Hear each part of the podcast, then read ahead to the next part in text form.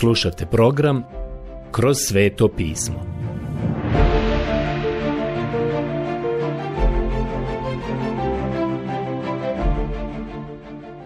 Knjiga Postanak. Odlomak Postanak poglavlje 36. Danas ćemo proučavati 36. poglavlje knjige Postanka. Čitavo poglavlje se u potpunosti bavi Ezavom. Duh božji slijedi ovaj obrazac kroz cijelu ovu knjigu. Zapravo, to je ono što se prati kroz cijelo sveto pismo. Sjeme koje slijedi je sjeme ponosa. Pavle jasno govori o tome. Sjeme se ne odnosi na mnogo sjemena, nego na jedno sjeme, ponos. I tako je kada prolazite kroz pismo počevši od Adama, Eve i Seta, a zatim dođete do Abrahama, Izaka i sada Jakova. Metoda i obrazac koji slijedi je uvijek sljedeći. Bog će prvo dati da se opiše ona rodoslovna linija koja je odbačena. I ona se odbacuje u svetom pismu u svakom pogledu. A onda se nakon toga prati druga rodoslovna linija. Dakle, to je smisao i svrha 36. poglavlja. Kada smo prošli put stali u našem proučavanju, to je bilo u 35. poglavlju i tada smo govorili o Rahelinoj smrti. Ja sam siguran da su mnogi ljudi koji su me ranije čuli kako govorim u ovom odjeljku Svetog pisma rekli propustio si pomenuti svoj uobičajeni hvalospjev Raheli. Istina je, nisam to učinio. Iskreno govoreći, nisam imao vremena, ali želim se vratiti kako bih ovdje napravio jednu poveznicu koja će kasnije biti veoma važna. Rahela je bila jedina dobra stvar u Jakovljevom životu čak i u onim godinama koje je proveo u Padan Aramu. To je period u njegovom životu kada je na mnogo načina bilo potvrđeno da je on živio tjelesno i egoistično. Ali on je volio Rahelu. Nema sumnje u to jer je bio spreman učiniti gotovo sve za nju. Bio je potpuno posvećen. Na primjer, dopustio joj je da zadrži kumire i idole koje je preuzela od svoga oca. Ne vjerujem da bi lei to dozvolio ili bilo kom drugom, ali on je bio popustljiv prema Raheli, volio ju je. Ona je dobila sinove, prvo Josipa, a zatim je rodila Benjamina i umrla je pri njegovom rođenju. Njegov život je donio njenu smrt u ovoj konkretnoj situaciji. To je za Jakova bilo teško, slomilo mu je srce. Njegovih deset sinova mu nisu donosili nikakvu radost. Mislim da ga je Bog podsjećao svakog dana da je grijeh imati više od jedne žene. Nisu mu bile potrebne sve te žene. To nije bio Božji način. Naravno, Bog će nadvladati. Prijatelji, Bog radi u vašem životu i radi u mom životu. Hvala Bogu. On će nadvladati. Ali to uopšte ne znači da je Bog ovo odobrio. Zapravo, sve ove činjenice otkrivaju da on to nije odobravao a posebno ono što se dogodilo Josipu.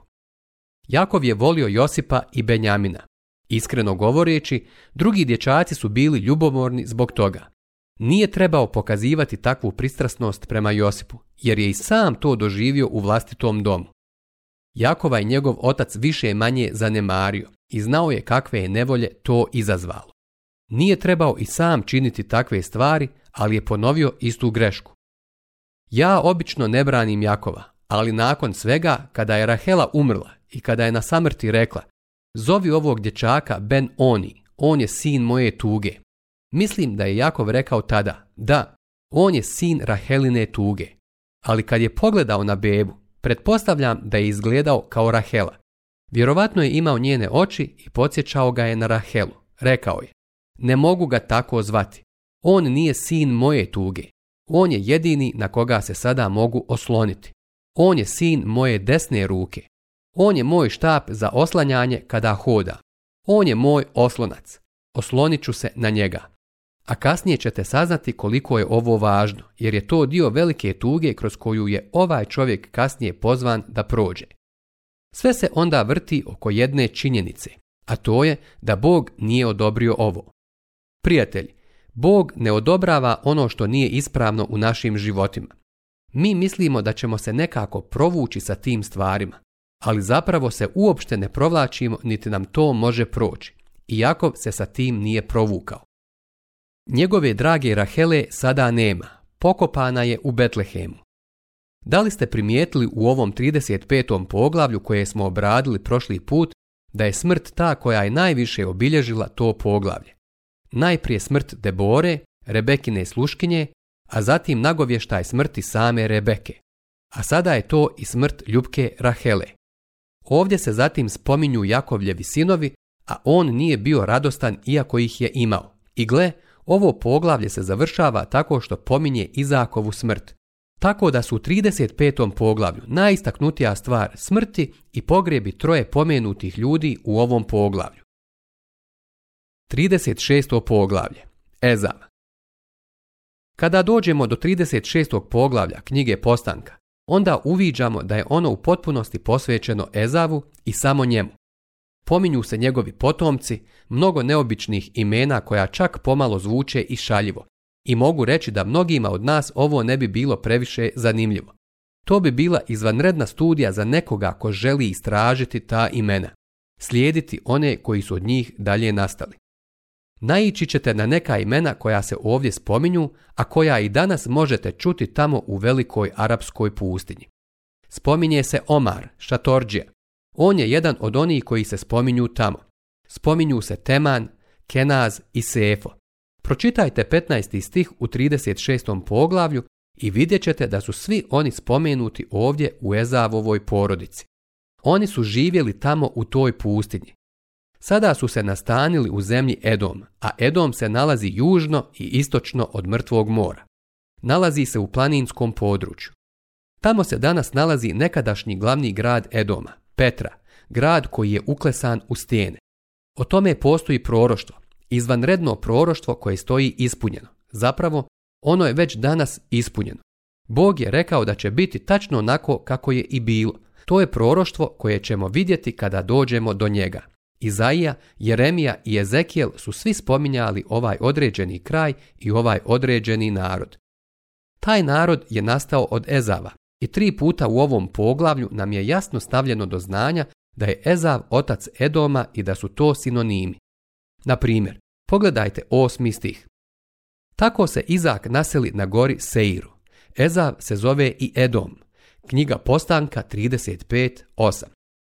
Neko će možda reći, u čemu je razlika?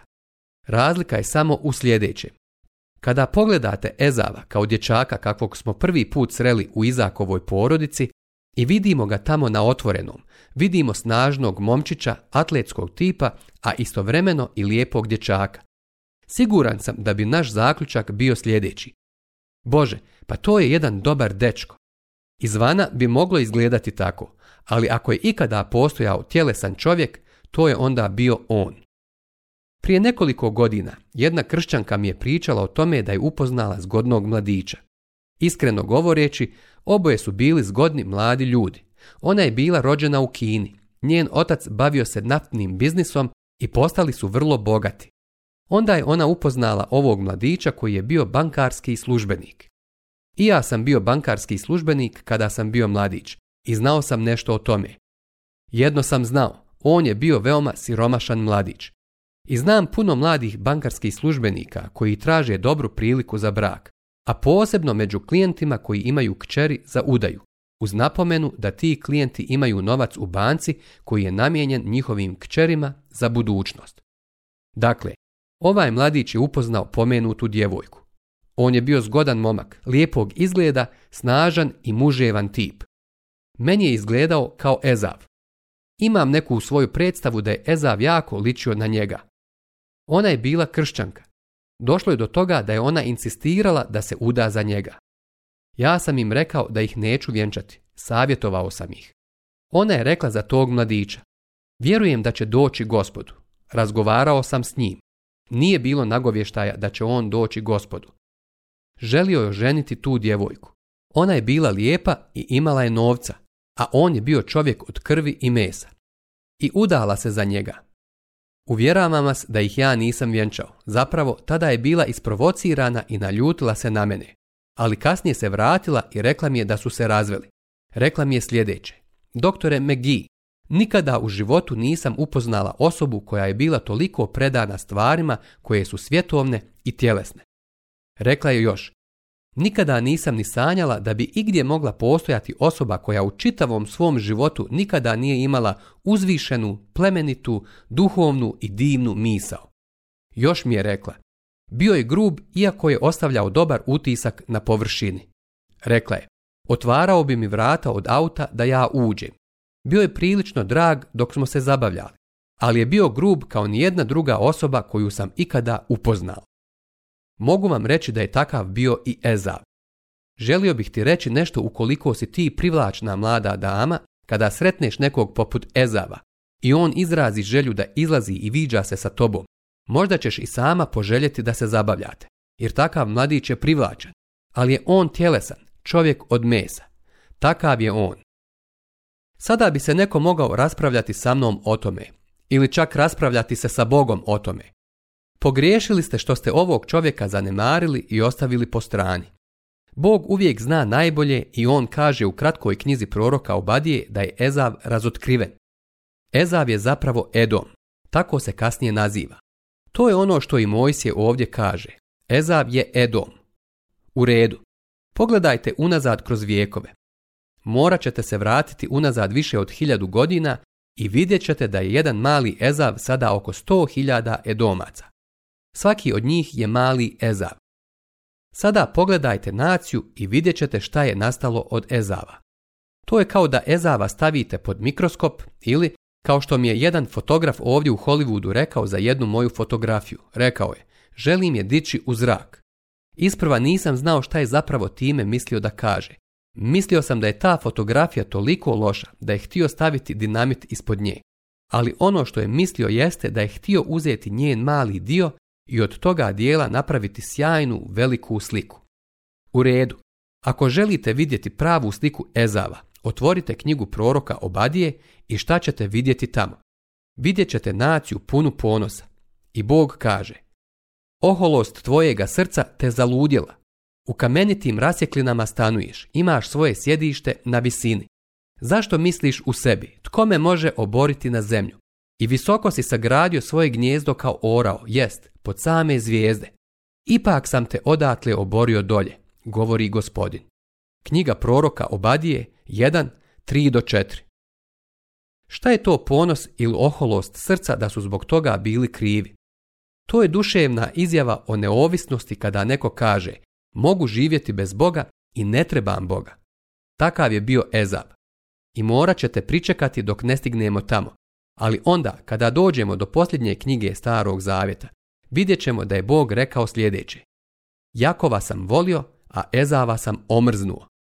Bog to nikada nije rekao sve dok ne odemo unazad nekih hiljadu godina. Bog je to znao na početku, ali vi to niste znali i ja to nisam znao. Ali kada prođe izvjesno vrijeme, ono sve razotkrije i pokaže i možete biti sigurni da je Bog tačno znao kakav će Ezav na kraju ispasti. I tako tri puta u ovom poglavlju nam je rečeno da je Ezav zapravo Edom. To se kaže tri puta kako bismo to sigurno razumjeli i shvatili. To nije smiješno, ali ovo jeste smiješno. Dopustite mi da sada pročitam prvi stih. Slijede potomci Ezava, koji se zvao i Edom. Pa čak i prvi stih 36. poglavlja knjige Postanka nam ponovo to kaže. To bi bilo četiri puta do sada, Zatim nam je dalje rečeno sljedeće. Ezav uze sebi svoje žene između kćeri kananskih, Adu, kćer Hetita Elona, Oholibamu, kćer Ane, unuku Horica Sibeona. Knjiga Postanka 36.2 I onda slijedi nabrajanje drugih njegovih žena. Neću prolaziti kroz to samo da bih vježbao izgovaranje njihovih imena. Rečeno nam je u šestom i sedmom stihu sljedeće. Ezav uze svoje žene, sinove i kćeri i sve ljude iz svoje kuće, stado, svu svoju stoku i sve imanje što ga steče u kananskoj zemlji. Pa ode od brata Jakova u drugu zemlju, jer im je i mutak bio vrlo velik te nisu mogli ostati zajedno. I zemlja u kojoj su boravili nije im bila dovoljna za njihova stada. Knjiga Postanka 26 od 6 do 7. Da li se sjećate da su Abraham i Lot imali isti problem? Drugim riječima, za njih nije bilo dovoljno pašnjaka. Svaki od njih je imao previše stoke. Ezav je napustio obećanu zemlju i napustio ju je sam, ali na to su ga natjerale okolnosti i ekonomska situacija. Sada ćemo ponovo pročitati osmi stih koji smo malo ranije već pominjali. Tako se Izak naseli na gori Seiru. Ezav se zove i Edom. Knjiga Postanka 35.8. Ovaj stih nam govori gdje je Izak otišao, a ja sam vam već opisao to mjesto. Sada pratimo tu porodicu i ako se spustimo malo dole, dolazimo do 12. stiha. Timna je bila priležnica Elifazu, Ezavovu sinu. Ona rodi Elifazu Amaleka. To su potomci Ade, žene Ezavove. Ovo je početak nastanka Amalečana. Dakle, sva ta plemena koja su bila tamo u pustinji, nastavila su postojati kroz vijekove. Ta plemena su se počela pomjerati i kretati u raznim pravcima nakon pada Kartagine i nakon što je crkva postala istaknuta u svojim ranim godinama u sjevernoj Africi. Zapravo, najjači centar crkve u jednom trenutku je bio u sjevernoj Africi, ali ta plemena su se pomjerala preko sjeverne Afrike. Vidite da su svi pripadali ovoj porodici. Nastali su od Hagare i Abrahama, a zatim neki od njih su nastali od Ezava. Tu su bili i miješani brakovi i različita plemena i tako su nastali brojni narodi koji se spominju u Bibliji, kao što su na primjer Amalečani. I danas imate mnoga arapska plemena, zapravo svi oni pripadaju istoj porodici kojoj je pripadao Abraham i kojoj pripada Izrael. Razgovarao sam jednom sa jednim Arapom koga sam upoznao. On je izrazio neprijateljstvo prema narodu Izraela i nije mu se svidjelo nešto što sam rekao tokom bogosluženja. On je kršćanski Arab i rekao mi je kako mrzi narod Izraela. A ja sam mu na to samo rekao sljedeće. Da, ali oni su tvoja braća. Vjerujte mi, to ga je zaista naljutilo. Rekao mi je, uopšte nemam nikakav odnos sa njima. Rekao sam mu, ali ti znaš da vi pripadate istoj porodici. Svi ste semitski narodi. Ja sam mu rekao da je on semit isto koliko i Izraelci. Na kraju je morao priznati da je to istina. Ovo poglavlje je veoma važno. Na kraju krajeva, duh Boži je upotrijebio mnogo štamparske boje da bi nam govorio o ovome. I da znate, još nisam došao do tog dijela koji je duhovit. Sada dolazimo do toga. I evo ga. Stih 15. Sljedeći su knezovi potomaka Ezavovih. I ovdje imate. Sinovi Elifaza, prvorođenca Ezavova. Bili su knez Teman, knez Omar, knez Sefo, knez Kenaz, knez Korah, knez Gatam, knez Amalek. To su knezovi što izlaze od Elifaza u Edomskoj zemlji. To su potomci Adini. Knjiga Postanka 36, do 16. Odakle im toliki knezovi? To je početak plemstva. Oni su nekako sami nadošli na to. Svaki od njih postao je knez. I to nije bio samo nadimak. Bili su ozbiljni u vezi sa tim. Dakle, ovo je početak plemstva. Gdje je to počelo? U Ezavovoj porodici. I ponovo se vraćamo na to u 19. stihu, to jest u ovoj izjavi. To su sinovi Ezavovi i to njihovi knezovi. To je Edom. Oni sada imaju vojvode u porodici. Veliki broj ljudi u ovoj zemlji može pratiti svoje porijeklo sve do nekih kraljevskih porodica. Pitate se da li je iko potekao od onih koji su držali trgovine, ili radili u vinogradima, pravili keramiku ili držali prodavaonicu cipela.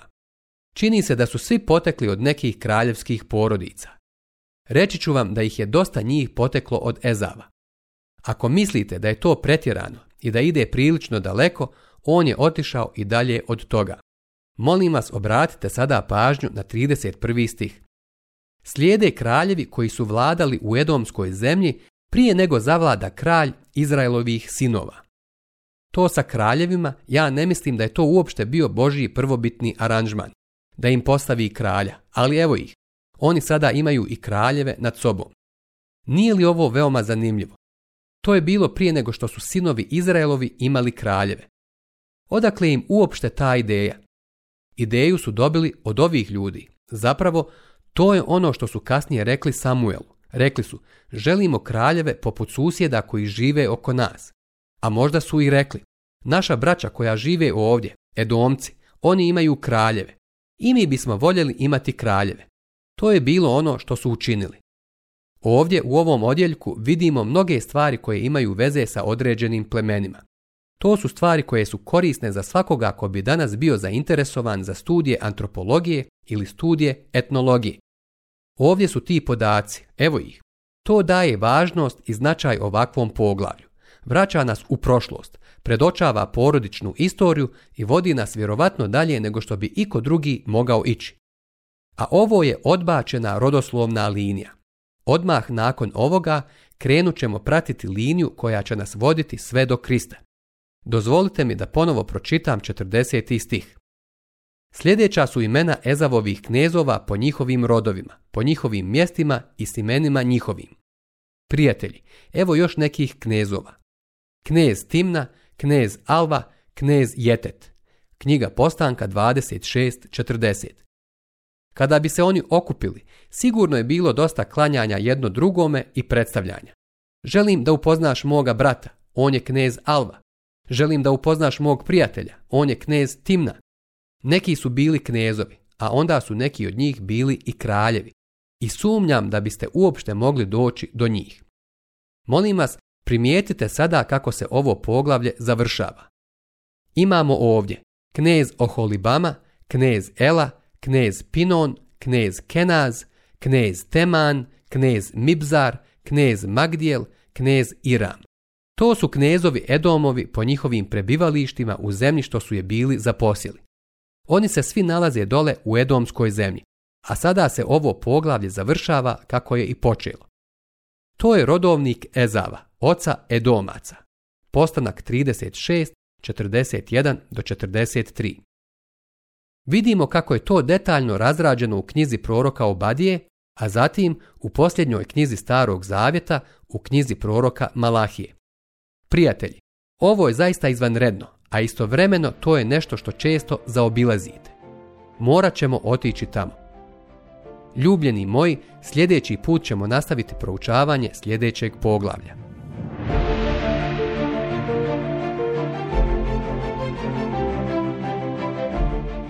Slušali ste emisiju Kroz sveto pismo. Možete nas slušati i na našem YouTube kanalu putem mobilne aplikacije te na svim glavnim podcast platformama kao što su Google, Apple i Spotify. Ako vam se naši programi dopadaju, preporučite ih i podijelite s drugima.